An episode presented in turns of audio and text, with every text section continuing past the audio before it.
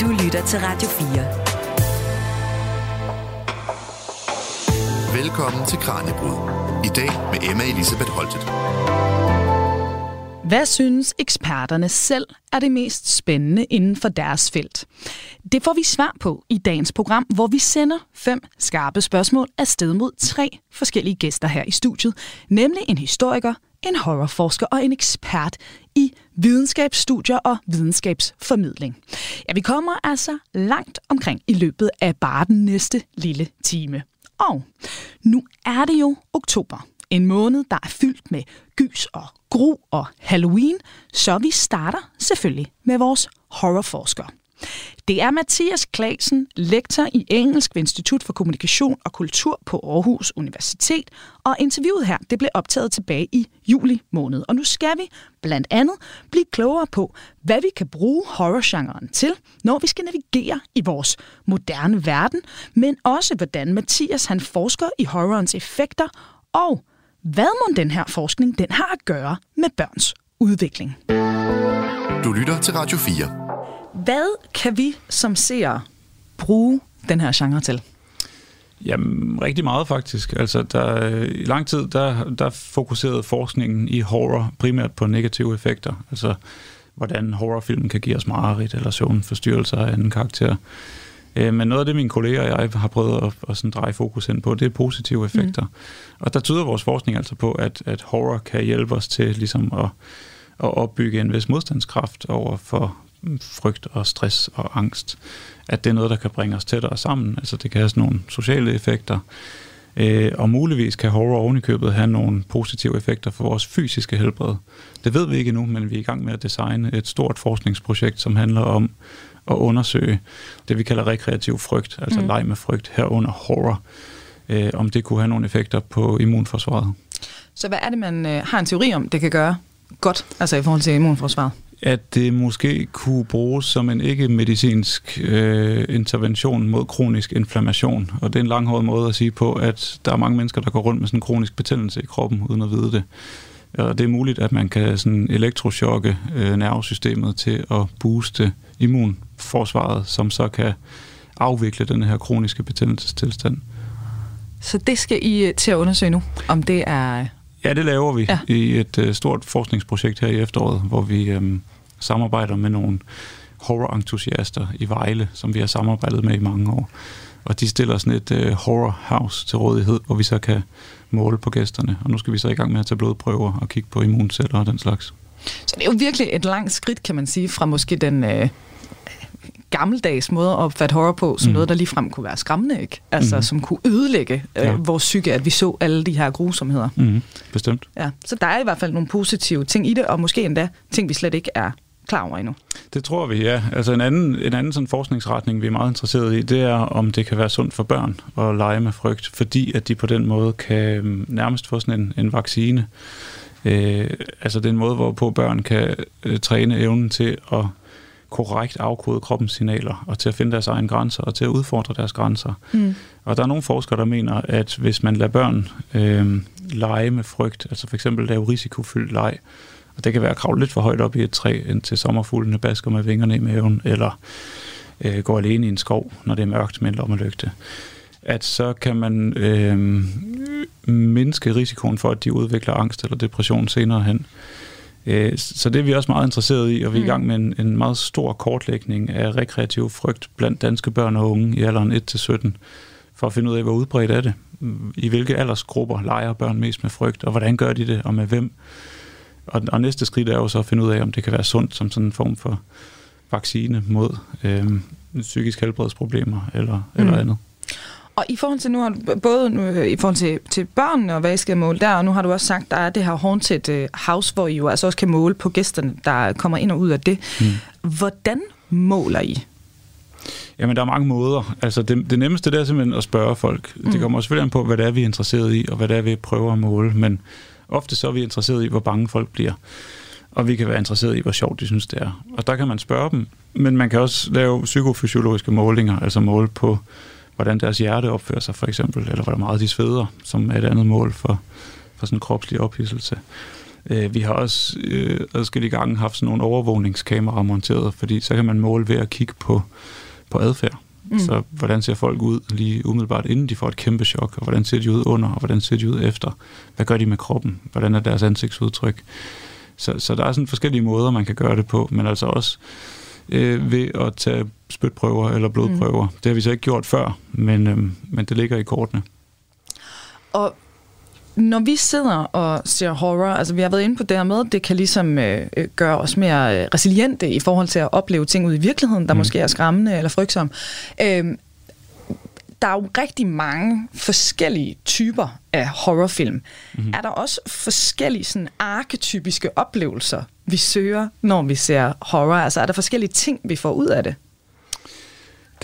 Godt spørgsmål. Øh, det tror jeg ikke helt, vi kan svare på endnu. Altså, vi har en ting, vi fandt ud af i noget, noget af den her empiriske forskning, det var, at der findes forskellige typer horrorfans, mm. og folk, der opsøger horror af forskellige årsager.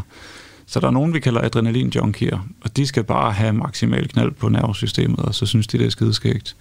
Så er der nogen, vi kalder neglebidere, eller white knucklers på engelsk. Og det er folk, som også godt kan lide horror, men som mere opsøger det som sådan en slags øh, personlig udfordring. En, en udfordring til sig selv i forhold til, om man kan øh, gennemgå det med det mentale helbred intakt. Og, mm. øh, men de synes også, det er skægt. Men, men i modsætning til de der adrenalin-junkier, så føler neglebiderne, at de lærer noget vigtigt om sig selv og om verden, når de oplever horror. Altså det giver dem noget læring og noget udvikling. Og så har vi så fundet en tredje type, som vi kalder dark copers, og vi har ikke en god, ikke en god dansk oversættelse endnu.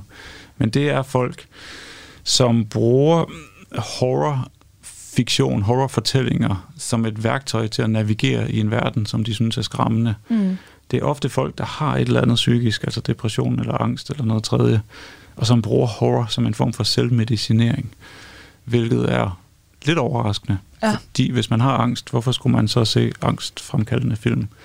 Men for dem, der er det nok netop sådan en kontrolleret kontekst, hvor de selv har valgt det, øh, og har fuld øh, kontrol over oplevelsen. Man kan slukke for fjernsynet, eller skrue ned for mm. lyden, eller gå ud af spøgelseshuset.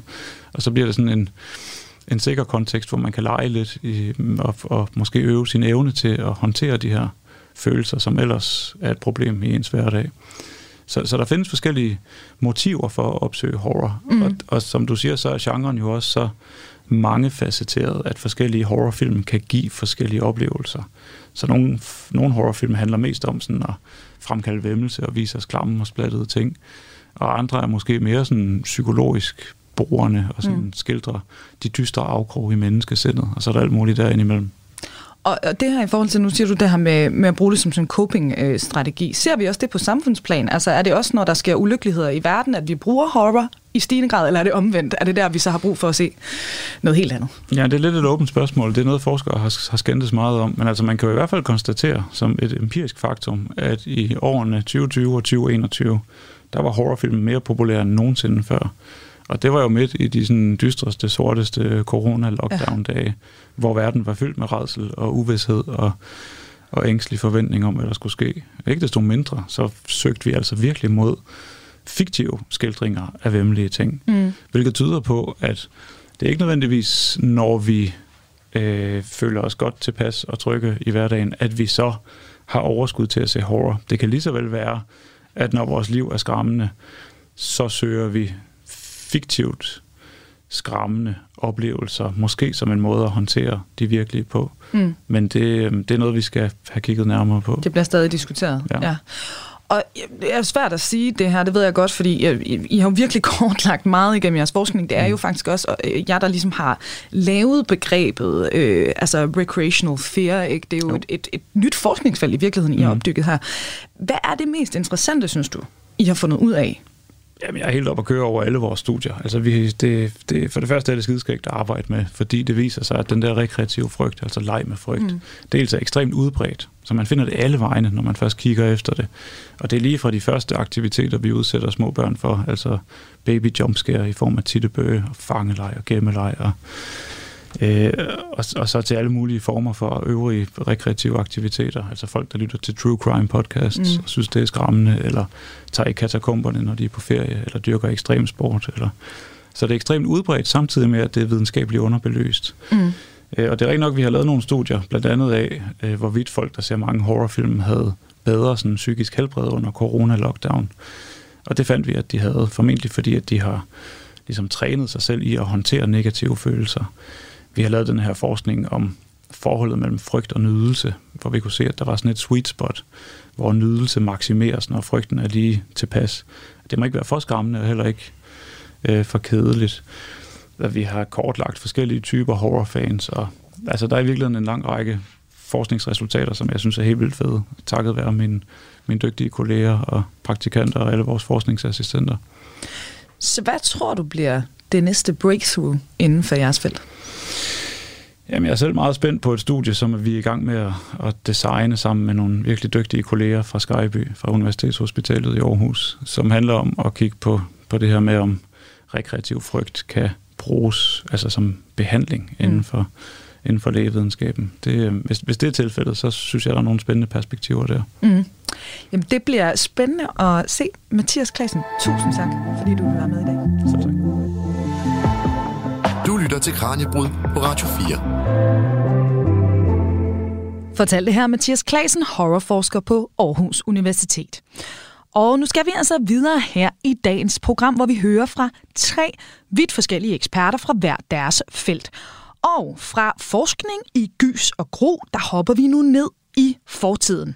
Her er det nemlig historiker Martin Husted, som jeg talte med tilbage i april, og Martin han svarer her på, hvorfor 2. verdenskrig fylder så meget i vores historieskrivning om det 20. århundrede. Du lytter til Radio 4. Ja, altså, man må jo sige, den mest katastrofale krig i menneskets historie. Mm. Og en krig, der øhm, jo et eller andet sted overgår Shakespeares fantasi og evne til at fortælle en dramatisk historie. Ikke? Vi har øhm, øh, personligheder i, som øhm, opfylder både de forventninger, vi har til den, den, den modige, retfærdige, den onde og den grusomme. Samtidig så har vi jo altså også øh, kriger, eller undskyld, slag og, øh, og begivenheder, som jo øh, fanger fantasien, men, men oven i det, så er der jo altså også, undskyld udtrykket, ammunition her, øh, ikke bare for historikere, men også for populærhistorikere i, i hvert fald 100 år endnu. Mm. Så, øh, og så samtidig skal vi jo også huske på, det, det hedder 2. verdenskrig en grund, nemlig at, øh, at 1. verdenskrig er jo også øh, den sådan, kan man sige, årshagsskabende katastrofe for 2. verdenskrig. Og der, der tror jeg også, at man sådan, måske mere og større grad skal begynde at se den her sådan 30-årige konfliktperiode i starten af det 20. århundrede, som noget, der mere og mere smelter sammen. Ja. Og hvad med dig selv sådan personligt? Hvad er det ved, ved 2. verdenskrig, du synes er særlig spændende? Jamen altså, øh, udover nogle af de der pointer lige, lige fra øh, tidligere, så er det jo noget, hvor man må sige, at det så er der altså den, øh, den politiske fortælling, ikke, mm. hvor at, øh, vi jo både fra vores eget lille perspektiv i Danmark, hvad, øh, hvordan vi bliver viklet ind i den her katastrofe. Samtidig så er der så også, når jeg sådan mere og mere sådan professionelt er blevet øh, en, en del af debatten, så synes jeg jo, det er interessant at se, hvordan man fra øh, historisk eller mere sådan akademisk interesse øh, har den her øh, evig forgrenede debat om, om øh, den forklaringsmodel, som man måske engang havde, hvordan bliver den udfordret, og hvordan bliver den måske tilbagevist, eller mm. øh, hvad, hvad understøtter den i, øh, i nye, nye udlægninger, og der er øh, i hvert fald lige i øjeblikket en række sådan ret dristige greb, hvor man sådan begynder sådan at sige, at det vi gik og troede, der for eksempel skabte grundlaget for, at øh, Hitlers sejrstime for eksempel i 39 til ja, omkring 41-42, øhm, at, at det, det, det skal vi til at måske at se mere kritisk på. Så, så den del af det, det er jo den mere sådan nørdet med, at, som jeg også var inde på før, der er en, undskyld udtrykket, mm. guldmine her, mm. øhm, som jo altså i stadighed øh, leverer øh, nye elementer til debat og diskussion.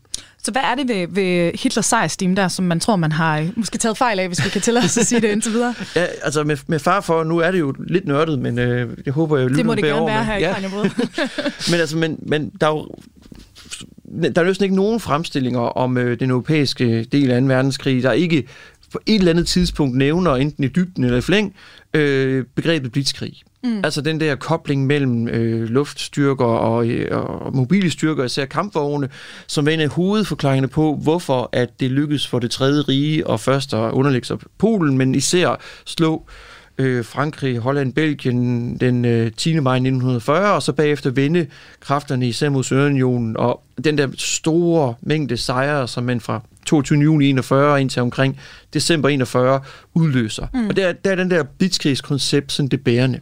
Og der er der altså øh, nogen, der sådan meget kætterisk siger, at øh, for tyskerne selv forstod de aldrig som blitzkrig. Det er måske sådan den lidt mere, altså skal vi forstå ordet eller ej, måske brugte de det. Mm. Men, men jeg synes alligevel, at, at der hvor der er inden, inden for de sidste par år kommer måske et sådan et ret provokerende bud, det er jo, at slagene i sig selv, feltogene i sig selv, er egentlig ikke det afgørende. Det, der er det afgørende, det er staternes evne til at producere krigsmateriel, eller lad os begynde helt forbundet af, til at udvinde eller kontrol og ressourcer, producere krigsmateriel mm. de ressourcer og føre dem frem til slagmarken. Det, man kan kalde superslagmarken. Mm. Øhm, og det er jo faktisk det, som nogle øh, militærhistorikere sådan påpeger, at, at det var tyskernes manglende evne til at at, at intervenere i den der superslagmark, der gjorde de sidste ende krigen. Mm. Og, og, og, det der er jo inde på før med sejrstige, med, jamen det, hver eneste gang, at, at, at Hitler vinder, så er det ved at angribe fjendens herrer. Det er ikke ved at angribe fjendens produktionskapacitet. Mm. Hvorimod de allierede, øh, de formår rent faktisk at det sikre deres egne ressourcekæder, men altså også angribe den tyske og den japanske produktionskapacitet. Det her, det er en, øh, en historie om 2. verdenskrig, som jeg ikke er helt overbevist om, sælger særlig mange bøger. Altså, jeg, jeg, jeg tror, at mange vil gerne have øh, den sådan lidt mere øh, actionpræget og, øh, og, og ret skal være ret modig fortælling mm. om, om rigtige mennesker, der, der deltager i en krig, mm. som, hvor de vidderligt gør en forskel. Og jeg skal lige understrege, krigen blev jo ikke vundet nødvendigvis ved, at man stod og minede et eller andet sted. Mm. Men, men uden de der ressourcer, så man finder den mine der, så er der altså ikke meget kamp ude i frontlinjen.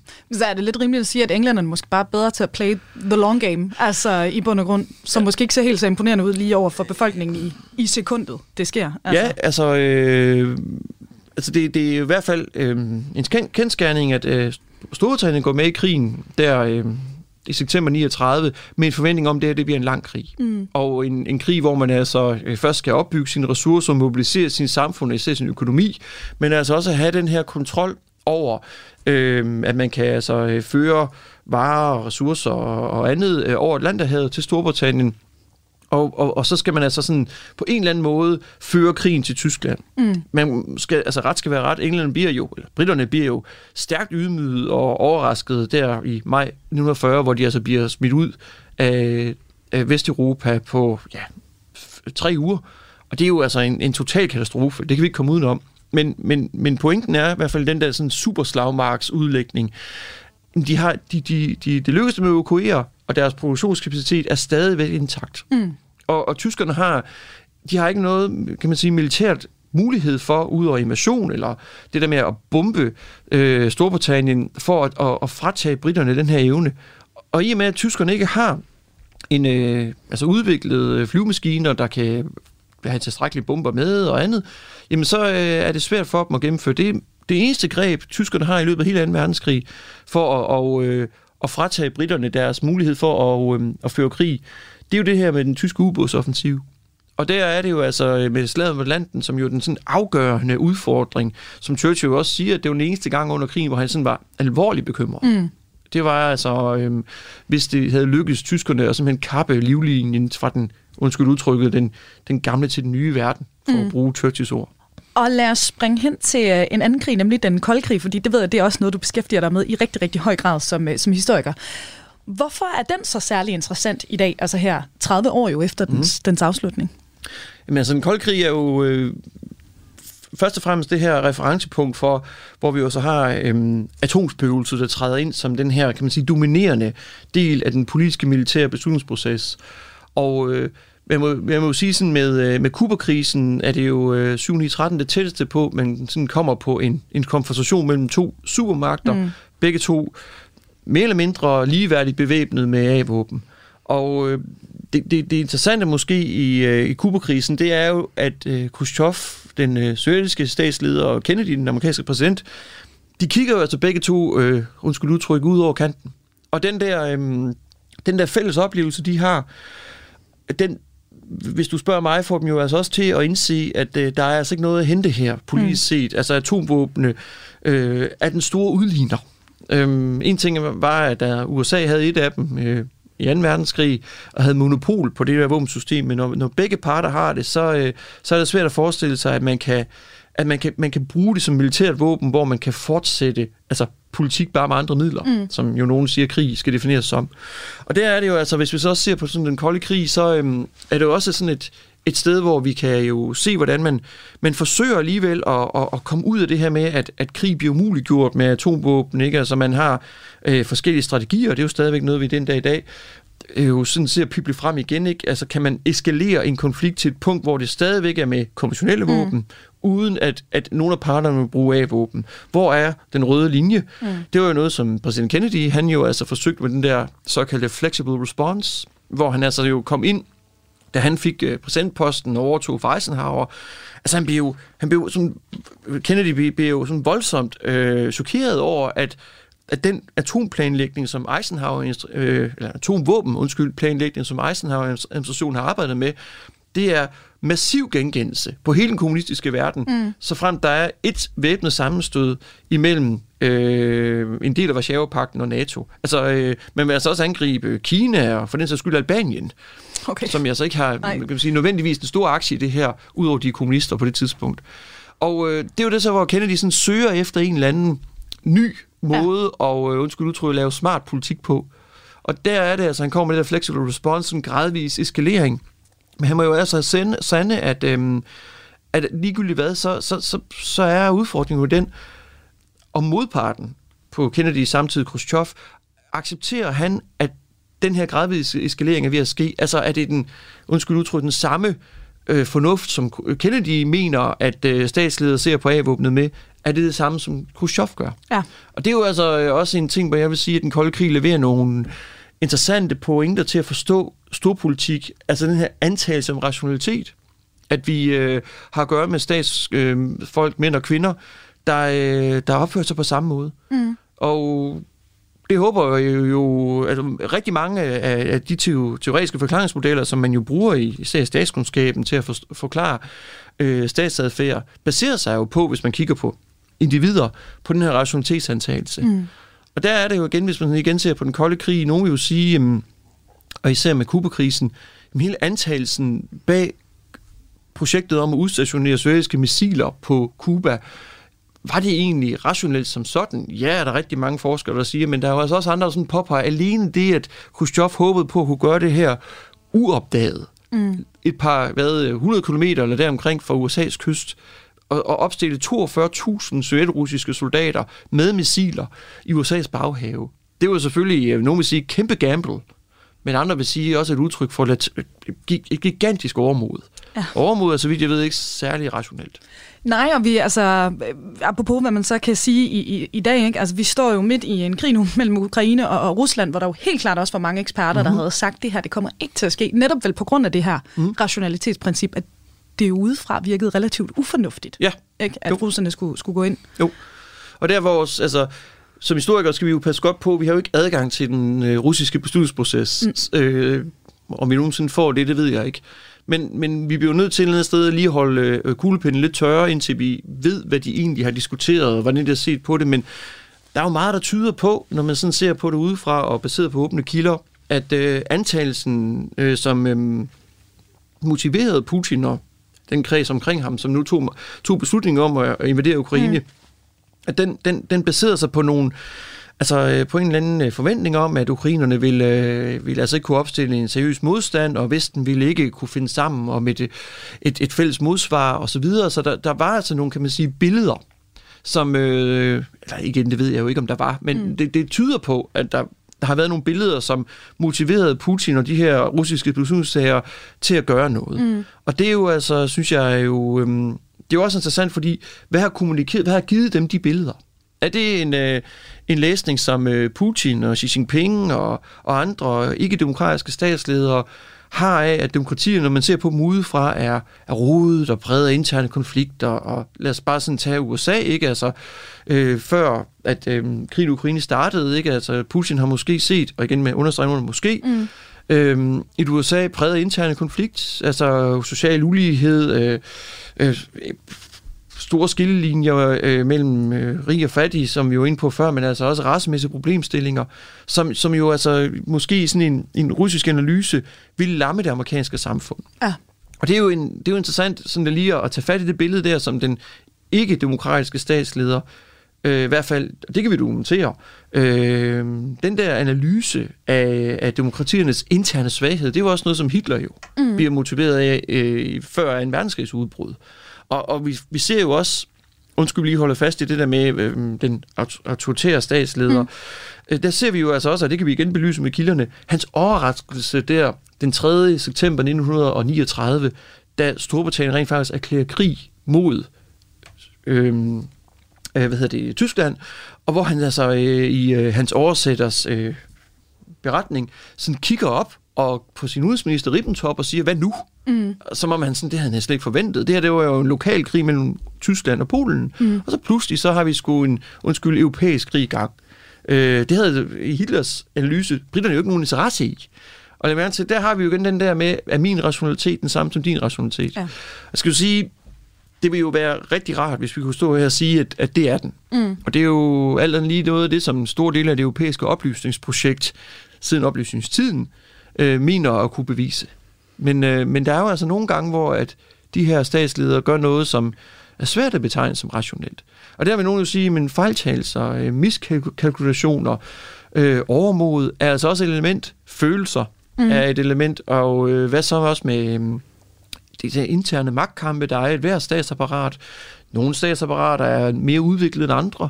Nogle er øh, ikke særlig modtagelige over for intern kritik man kan jo spørge sig selv, hvis vi sådan spoler frem til, øh, til igen Putins rationale for at angribe Ukraine, jamen, var der nogen, der fodrede Putin med forkerte efterretninger? Mm. I understregning af, hvad den russiske her kunne, hvad den russiske flyvåben kunne. Altså, øh, har han baseret på det troet, at det, han gjorde, det var overkommeligt? Ja. Øhm, igen, lige mærke til her, variablerne står jo kø ikke, med, jo, hvad der påvirker, jo, jo. og samtidig de historiske eksempler også, og, og jeg, jeg skal lige understrege, det, det, er jo, der er det jo et, noget af et puslearbejde, og prøve på at stille det op i en forklaringsmodel, der giver mening. Mm. Det her, jeg laver her, sådan lidt styrtbladsagtigt, det øh, skal jeg være den første til at indrømme. Men, men så udover, altså, som du siger, øh, altså fra den kolde krig, der har vi ligesom det her rationalitetsprincip, mm. som man kan så sige i dag, måske mere eller mindre, er blevet en lille smule øh, rystet i kraft af, af ja, den her det er noget krig. Godt, godt udtryk, ja. ja. Men, men altså, hvordan ser vi ellers den kolde krig i dag i, øh, i Vesten? Altså, hvor mange spor har den sådan helt konkret, ja. øh, konkret sat i vores verdens orden? Jamen, den der, der øh, altså, man må jo sige, for, for, for mange vestlige øh, statsledere, der er det jo et eksempel på demokratiets og kapitalismens sejr, ikke? Altså, mm. at, at det er en årlig samfundsmodel, som øh, i sidste ende slog bunden ud af konkurrenten, altså personificeret måske med den amerikanske politolog og historiker Francis Fukuyama, mm. ikke? der jo altså øh, erklærer det her med historien er slut, og, eller historiens afslutning. Og der må man så sige, at den er sådan den der øh, kraftanstrengelse med at ikke bare udproducere, men rent faktisk også skabe et, et, et, et, et samfundsmodel, som er den konkurrerende samfundsmodel, altså den kommunistiske overlegen. Mm. Og øh, den fortælling der, den bliver jo øh, understreget med al tydelighed, ikke med murens fald 1989, hvor at, og det jo, må man jo sige, at hvis man tager til øh, øh Berlin og hører nogle af dem, der har rent faktisk oplevet begivenheden, men også nogle af dem, der levede på den anden side af muren, altså i DDR eller Østberlin, de, de påpeger jo det paradoxale i, at man havde at gøre med et samfund, DDR, der var nødt til at bygge en mur for at holde deres egen befolkning inde. Og den, den der, øh, altså den pointe der, er jo sådan en del af den der fortælling om, at, at den kolde krig er en ideologisk konflikt, mm. men samtidig så er det altså også en, øh, en, en supermaks øh, rivalisering, som foregår på global plan, og det, det bliver jo hurtigt sådan, at der kommer, kan man kalde sige, skræk, øh, sprækker i lakken, ikke? Altså Vietnam, mm. øh, Koreakrigen, men også hele afkoloniseringsprocessen, især Afrika, er jo også umuligt at tage ud af, af kontekst af den kolde krig. Og der må man jo sige, der er jo stadigvæk den dag i dag mange uafsluttede, eller i hvert fald øh, simrende konflikter. Mm. Øh, samtidig må man jo også øh, påpege, at den kolde krig er en ret bræt afslutning, og øh, det med, at USA altså, så står tilbage som, som enerådet supermagt, jamen det efterlader jo også øh, verdenshistorien, kan man næsten siden sige, øh, men i hvert fald nogen påpeger sådan lidt, hun skulle udtrykke, uden retning, mm. øh, ud over den, som USA påtvinger den. Og der er der jo altså, øh, hvis du spørger en amerikansk politolog, meget omdiskuteret i dag, ham her, John Mersheimer, jamen, øh, så vil han jo gå ind og sige det der unipolære øjeblik, som, øh, som man ser med en koldkrigs afslutning, og så, ja, er det for, for måske seks år siden, eller deromkring, måske 2014 med kriminaliseringen, at det sluttede. Det må vi spørge Mørsheimer om. Mm. Men han vil i hvert fald påpege det her med, at, at, at det, er en, det er en tidsperiode, som var unik, men som også var en tidsperiode, som var bestemt til at blive afløst af en ny magtbalanceringsperiode. Og det er så den, som man måske kigger ind i i dag. Mm. Og der kan man jo også bruge den kolde krig som en eller anden form, kan man sige, som, som sådan et modbillede på øh, det, som Mørsheimer sådan taler for, nemlig at et, et, et, et magtspil, hvor der er flere stormagter, der, der balancerer mod hinanden. Måske er det det, vi ser i dag, hvor mod den kolde krig, det var den her øh, altså supermagtspillet mellem to poler. Og øh, altså USA og USA. Og det er jo altså et, hvor at, at, at man i hvert fald i dele af statskundskaben ikke synes, at, at, at den her, kan man sige, de her magthierarkier, der i forskellige tidsperioder udfolder sig, der kan man altså også bruge historien om øh, den kolde krig som et, der er, i og med at magthierarkiet var relativt sat, mm. så øh, var der også en vis stabilitet i det. I hvert fald i vores del af verden. Jeg tror, ja. Og nu kommer det, det svære spørgsmål nummer to, fordi nu, nu har vi jo gjort det med 2. verdenskrig, men hvad så, hvis vi kigger på den kolde krig? Er der en ting, du virkelig håber, at nutidens politikere eller verdensledere, de så enten har lært eller, eller husker på, når vi mm. kigger tilbage på den her periode? Ja, altså, øh, altså den kolde krig var jo øh, alt lige en, en, en, en periode, hvor, at, at, som vi var inde på, at det med A-våbenspøgelset virkelig gør sit indtog. Ikke? Mm. Og, og hele, som vi også var inde på tidligere, med udviklingen af forskellige, mere eller mindre vanvittige doktriner, i hvert fald hvis man ser på det lidt udefra, ikke? altså Mutual Assured Destruction, MAD-doktrinet, hvor at man altså, man kan garantere den totale udstillelse af modstanderen, hvis og når han eller hun prøver på at angribe en. Mm. Og det er jo altså noget, hvor at man i, i dag igen, tror jeg, sådan skal altså desværre skal til at tænke lidt i selv samme baner. At, øh, og det er jo altså uhyggeligt at tænke på, men, men i og med, at der er de her våbensystemer, og at, øh, at, at, at der er statsledere, der altså bekender sig til deres, ikke nødvendigvis brug, men truslen af, øh, om dem, så, øh, så følger der altså et, øh, et voldsomt stort ansvar med, og også at, at statsledere kan, må navigere i det her. Og, og der tror jeg altså også, at man må gøre sit, sit bedste på den ene side at indgå i en eller anden, kan man sige, tillidsskabende dialog. Mm. Altså få, få skabt den der berømte røde telefon, som jo for eksempel kom mellem Moskva og Washington mm. efter Kuba-krisen, hvor man kan tale direkte.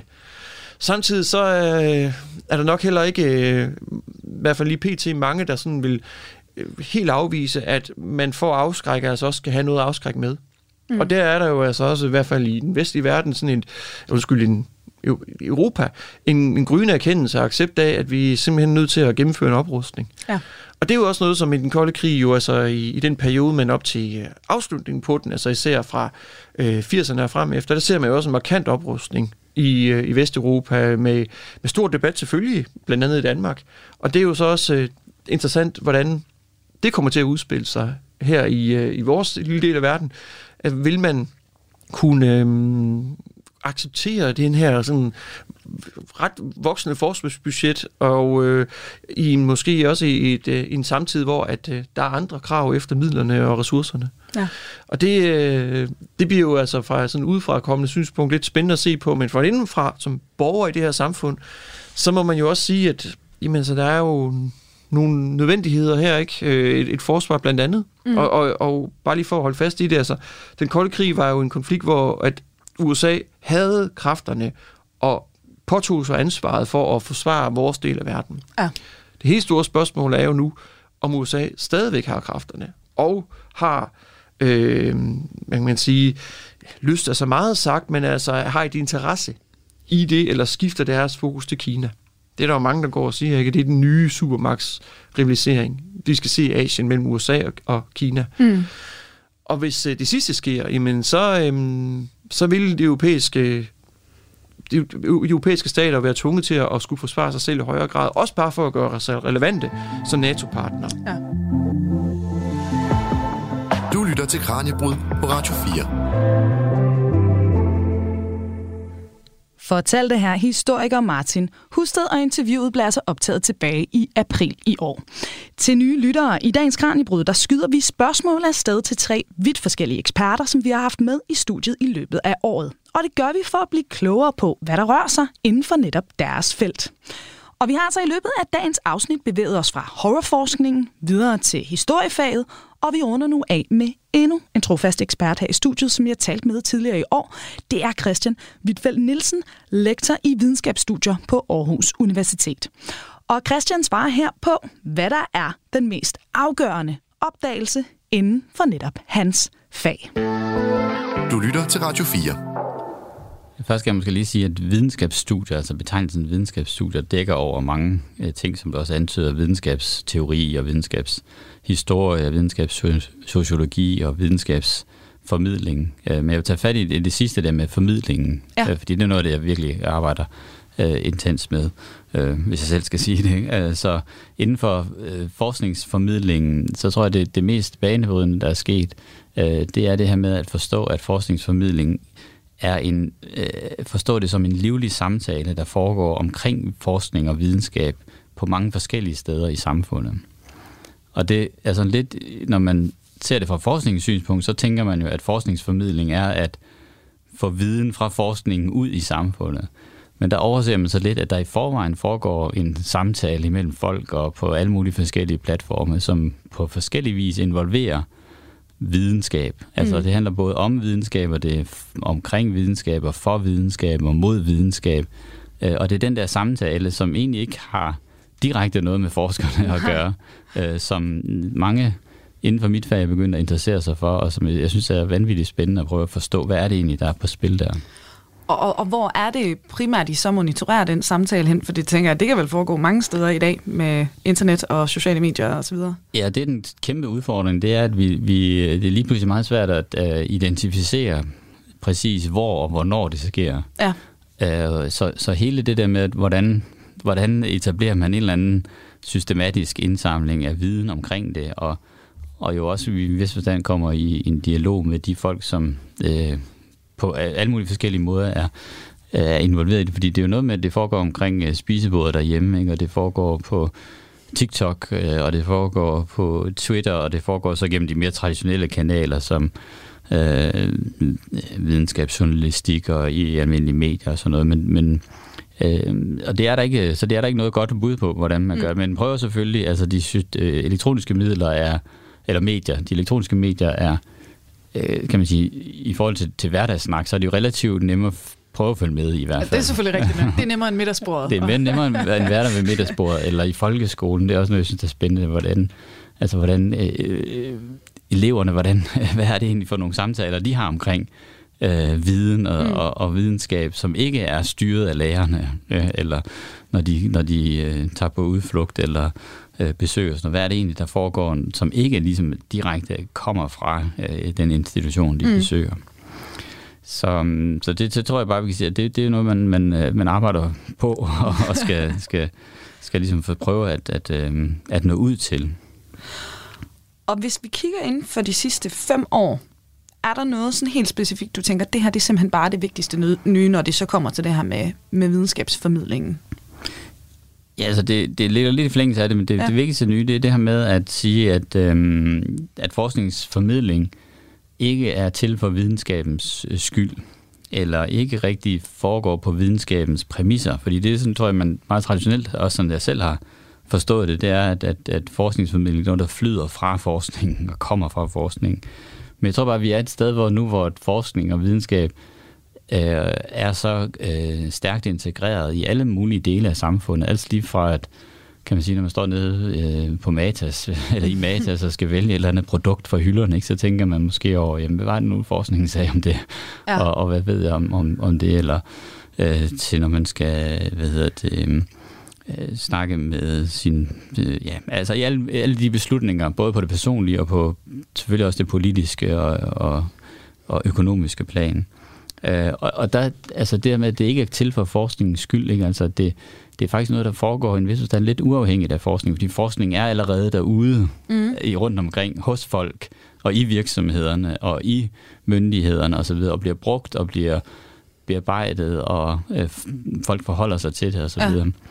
Så, mm, så det, det, den erkendelse, som forsker jo egentlig det er lige give slip på, at forskningsformidling ikke har så meget med, med, med os at gøre, eller ikke kun med os at gøre, men faktisk er noget, der, der foregår rundt omkring til alle, øh, alle tider og, og hele tiden.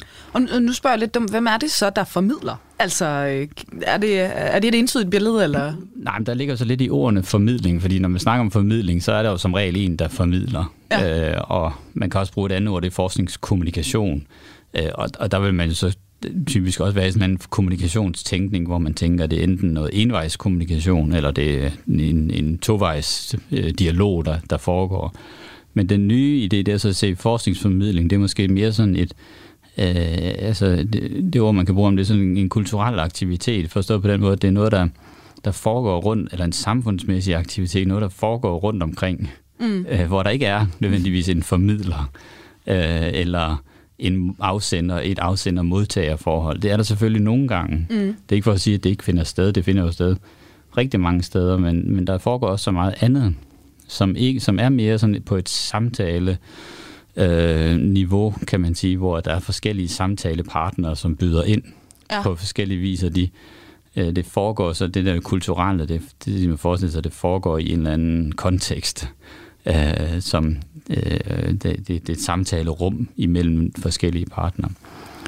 Øh, ja, så det, det var den. Øh, men det, men det, og det, øh, det har blandt andet også noget at gøre, det har jo, hvad kan man sige, betydning også for den måde, som vi forstår, hvad forskningen øh, er og øh, er til for. Mm. Fordi igen fra et forskningsmæssigt synspunkt, så er forskningen jo til for at blive klogere og skabe ny viden. Ikke? Det er sådan, vi, øh, eller man som forsker ligesom tænker om sig selv, jeg vil gerne blive klogere på det, og, og jeg er hele tiden i gang med at lave mere og bedre viden. Men øh, man kan også tænke på, at forskningen er til for samfundets skyld. Ja. Altså at forskningen er faktisk til øh, er faktisk en aktivitet, noget vi gør, fordi vi gerne vil øh, løse nogle samfundsmæssige problemstillinger.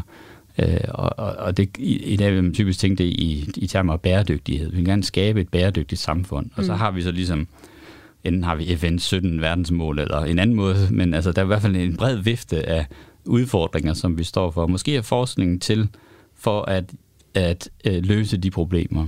Og det betyder så, at forskningen ikke til for forskningens skyld. Nej. Men forskningen er faktisk til, fordi vi sammen skal gøre os bedre til at øh, ja, løse nogle udfordringer og øh, sætte en retning og, og, og, og finde nogle midler til, øh, øh, hvordan vi kan, kan nå de mål. Og man kan tænke lidt det samme med forskningsformidlingen. Det er heller ikke til for at skabe en bestemt forståelse øh, for forskning, men, øh, men jo til for at gøre folk i stand til at løse de problemstillinger, som, som vi står om for øh, sammen. Ja, og er, er der noget, du sådan specifikt glæder dig til at, at finde ud af, eller noget, du tænker, der kunne være sådan next big breakthrough på det her område? Det er nok i forhold til bæredygtighed. Altså igen, fordi øh, der har jo været, inden for mit felt, så har man jo snakket om jamen, forskningskommunikation, og så har man snakket om klimakommunikation. Mm. Det var et, et stort område i, i nullerne øh, og øh, tierne. Altså, at hvordan, hvordan formidler vi den klimaviden på en sådan måde, at folk faktisk forstår det, at det er alvorligt. Og, og det må vi vel sige lykkes. Det er til en vis grad lykkedes, ja. ja. Det, det kan du godt øh, sige. Men det er nok også lykkedes ikke, altså det er i hvert fald ikke forskningen eller klimakommunikatorerne, der skal kan tage hele æren for det, fordi det, det er ligesom sædet ind. Ikke? Mm. Altså det er sædet mm. ind i alle samtaler omkring, hvad, hvad vi gør som mennesker, og hvordan vi forholder os til, til den nærmeste øh, fremtid. Så det, det er blevet meget mere udbredt. Det, ja. det var faktisk et godt eksempel på, at sige, den, den klimakommunikation, der foregår, den, den foregår hele tiden og på mange, mange forskellige øh, planer. Mm.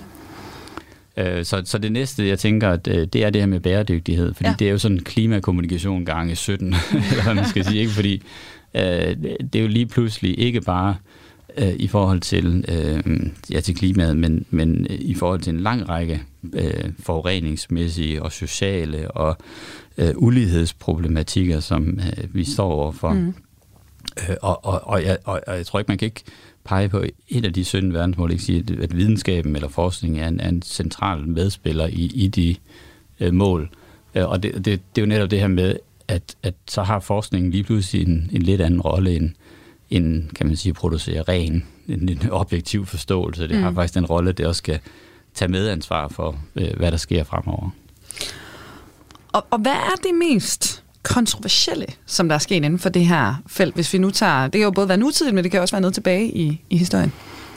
Jamen det mest kontroversielle, det, det er nok i virkeligheden øh, skete i, i, i slutningen af det 20. århundrede, hvor at, øh, at, fordi det er også her, at forskningen ligesom får den her store udbredelse, øh, endnu større udbredelse og integration i, i samfundet, som jeg, jeg, jeg har talt om.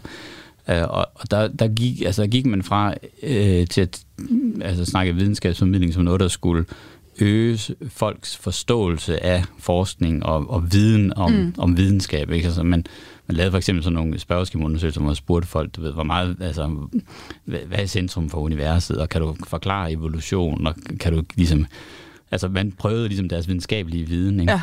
Øh, og så skete der et skift fra at sige, hvad nu hvis vi siger, at, at folk de, de ikke behøver det der, men, men de, de er nødt til at kunne være med i og bidrage til en samtale omkring videnskaben, uden at vi skal teste deres øh, paratviden omkring mm. det. Øh, og vi skal være i stand til at lytte til dem, og vi skal indgå i en dialog, og vi skal tage, øh, hvad kan man sige, vi skal anerkende, at de også har relevant viden omkring nogle af de her problemstillinger, som ikke er videnskabelige, mm. men den skal alligevel tages med ind i dialogen omkring, øh, hvad der øh, bliver øh, planlagt og hvad, og hvad der foregår.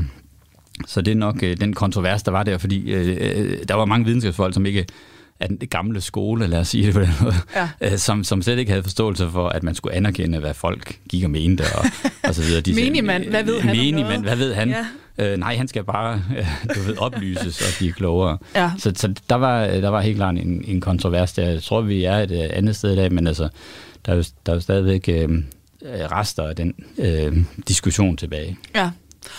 Og er der noget, du vil anbefale som lytterne, hvis de sidder derude og tænker, det her, det kunne jeg så godt tænke mig at, at nørde lidt videre med. Hvad, hvad skal man dykke ned i i dit felt?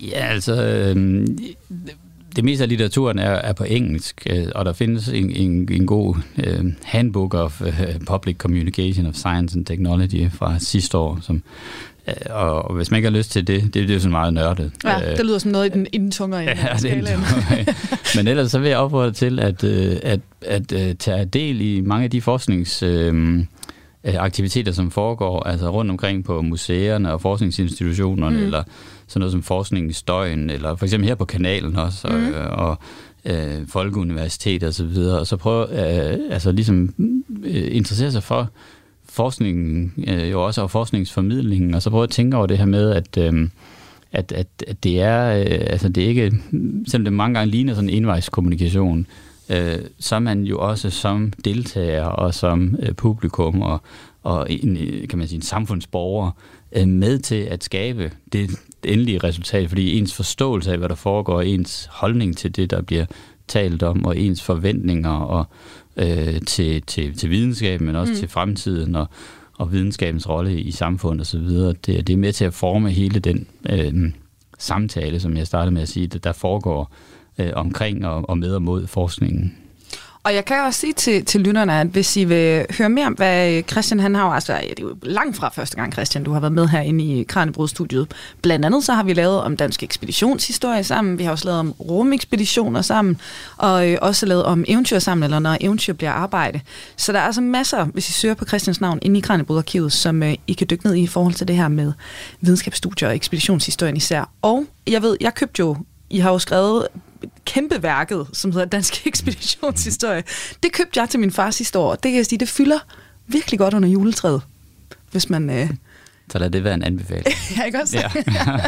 Den kan man altså også nørde videre med. Christian, tusind tak, fordi du var med. Selv tak, det var fornøjelse. Du lytter til Kranjebrud på Radio 4. Fortalte her Christian Wittfeldt Nielsen, og det bliver hermed også alt for nu i den her omgang af Kranjebrud. Vi er selvfølgelig tilbage igen i morgen kl. 12.10, og her gør forskerne os klogere på fænomenet kviklån. Indtil da, der kan du dykke ned i de mere end 1000 afsnit af Kranjebrud, som du finder i vores programarkiv.